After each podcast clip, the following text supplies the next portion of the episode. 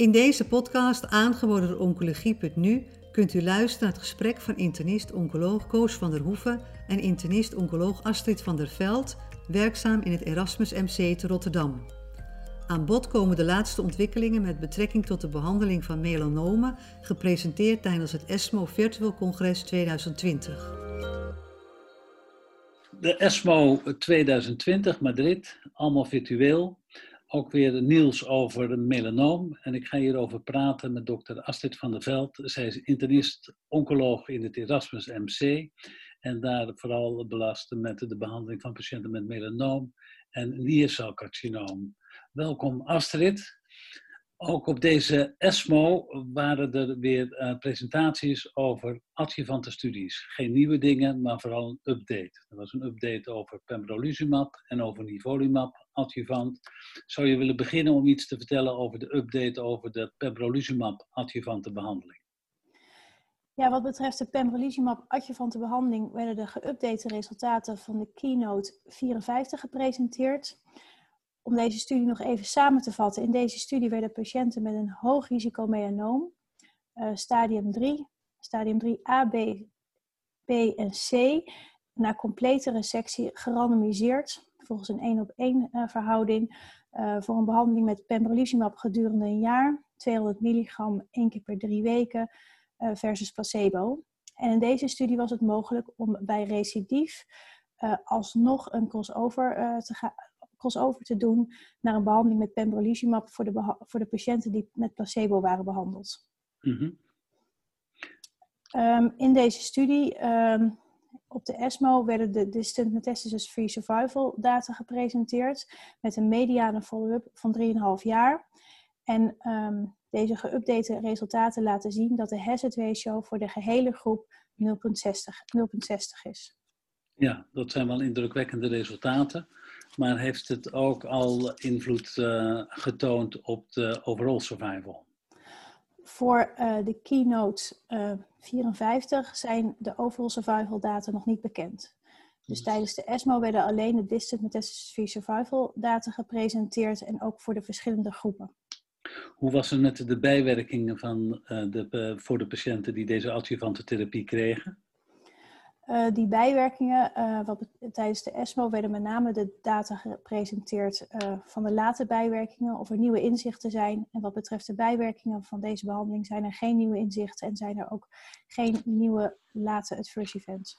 En in zijn algemeenheid is het eigenlijk redelijk goed te doen. Zijn er, geen, geen, zijn er niet veel uitvallers in de studie? Nee, dat klopt. Dan werd er ook een update gegeven over nivolumab versus ipilimumab. En hoe waren die resultaten? Ja, in de Checkmate-studie, uh, dat is de Checkmate 238-studie. Um, het is even goed om het design van deze studie eerst te bespreken. Ook in deze studie werden patiënten met een hoog risico melanoom gerandomiseerd voor een adjuvante behandeling. De studiepopulatie is toch anders dan in de vorige studie. In deze studie hadden patiënten een stadium 3 B of 3C melanoom, dan wel een stadium 4. En na complete resectie kwamen deze patiënten in aanmerking voor een adjuvante behandeling. In deze studie werden patiënten gerandomiseerd voor een adjuvante behandeling met nivolumab gedurende jaar of een adjuvante behandeling met hoge dosis ipilimumab.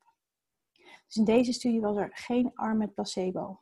En tijdens de ESMO zijn de data gepresenteerd uh, waarbij er een, een minimale follow-up van 48 maanden was.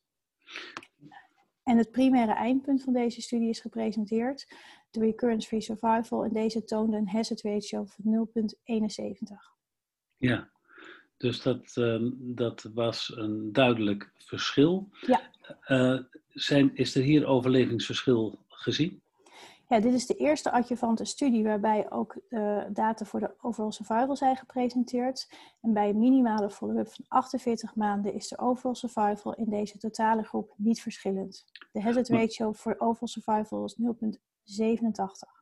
Maar zoals je al eerder zei, was dit een gerandomiseerde studie waarbij de andere groep ipilimumab in hoge dosis kreeg. Ja, dat is een belangrijk verschil en kan ook het verschil in overall survival deels verklaren. Belangrijk is ook te noemen dat bij recidief de meeste patiënten alsnog behandeld zijn met een andere vorm van systemische therapie.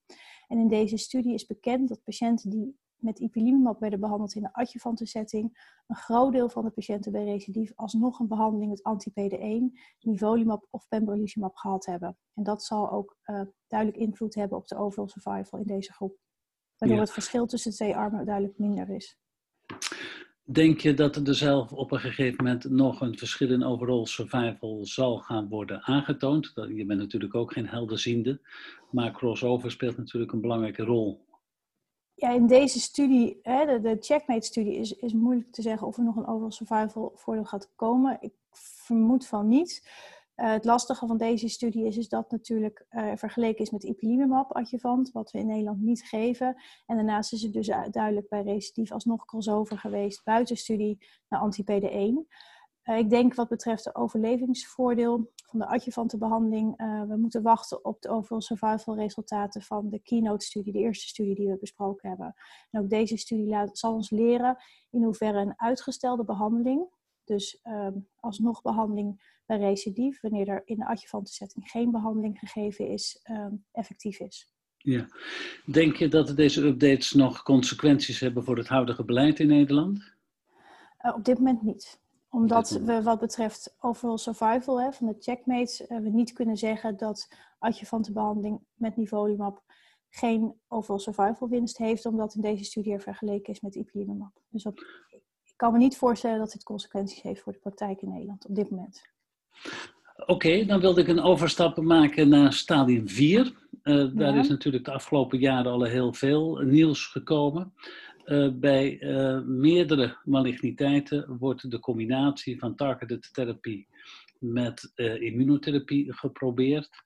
Dat wordt nu ook bij melanoom gedaan. Althans, er was een presentatie over spartalizumab en targeted therapie bij stadium 4 patiënten. Kan je daar iets over vertellen? Ja, dat eh, betreft de Combi-I-studie, waarvan de resultaten werden gepresenteerd tijdens de ESMO. In deze studie werden 532 patiënten gerandomiseerd. Patiënten uh, moesten een BRAF gemuteerd melanoom hebben en hadden alle een niet resecteerbaar melanoom, dan wel een gemetastaseerd melanoom. En patiënten werden gerandomiseerd voor een behandeling met de Bravinib, Trametinib en Spartalizumab dan wel behandeling met de braafnip, trametinib en placebo. En in deze studie werd de toegevoegde waarde van spartalizumab onderzocht. Nog even voordat je verder gaat. Spartalizumab, wat is dat voor een uh, vorm van immunotherapie? Uh, dat is ook een middel gericht tegen PDE, anti-PDE-middel. Oké. En wat waren de resultaten van deze studie? Um, ja, het primaire eindpunt was de progressievrije overleving en die was niet verschillend in deze, voor de twee groepen. Dat betekent dat het toevoegen van spartalizumab in deze studie geen toegevoegde waarde had. Oké.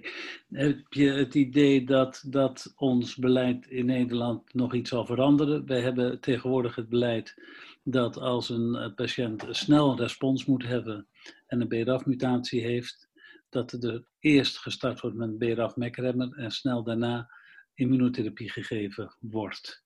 Heeft deze studie daar eh, enige invloed op? de uitslagen hiervan? Nee, want deze studie is echt een negatieve studie en heeft uh, het primaire eindpunt niet bereikt.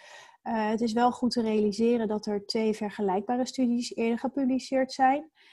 Uh, er is eerder een studie gepubliceerd waarbij de toegevoegde waarde van pembrolizumab werd onderzocht. Um, bij een behandeling van de trametinib ook een gerandomiseerde studie, waarin de andere groep placebo kreeg uh, naast de en trametinib. Ook deze studie was negatief, maar er is nog, dat is de keynote 022.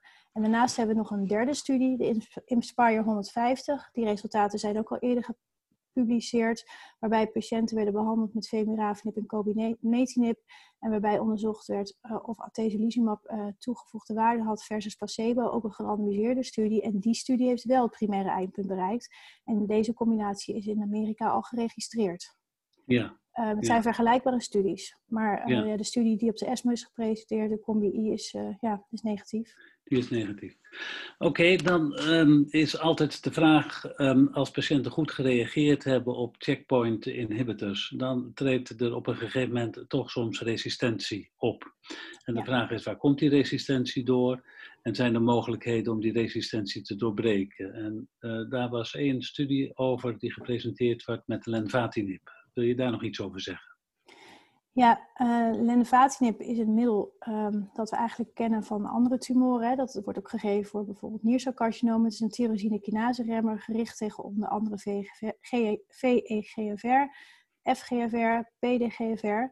Um, en in deze studie werd uh, de toegevoegde waarde van lenvatinib onderzocht uh, bij patiënten die eerder progressieve ziekte hadden op een behandeling met anti-PD1. In deze studie werden patiënten met een, gemetastaseerd melanoom um, na eerdere progressie op anti-PD1 behandeld met opnieuw pembrolizumab, ook anti-PD1, waarbij lenvatinib werd toegevoegd. Um, en wat we zien in deze studie is dat er bij patiënten die eerder progressieve ziekte hadden op anti-PD1 er alsnog een respons op kan treden met een overall response rate van 21% in een groep patiënten die dus duidelijk progressieve ziekte had tijdens anti-PD1. En dat effect um, van die overall response rate was nog groter in een groep patiënten die eerder ook was behandeld met anti-PD1. De overall response rate in die groep was 31%. Ja, dat is eigenlijk niet eens zo laag. Nee, dat is zeker niet laag. Dat, valt, dat valt uh, niet tegen. En ook de overall survival in deze studie valt niet tegen. Met een mediane overall survival van 13 uh, maanden in een groep patiënten die evident progressieve ziekte heeft gehad ja. tijdens anti-PD1. Ja. Was dit een fase 2-studie?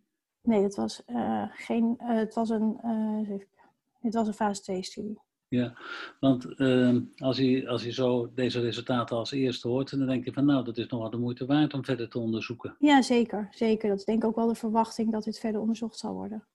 Ja, oké. dat, dat waren denk ik de belangrijkste dingen die bij deze ESMO over melanoom te vertellen waren. Of heb jij er nog meer kunnen vinden? Voor jou is het laatste woord.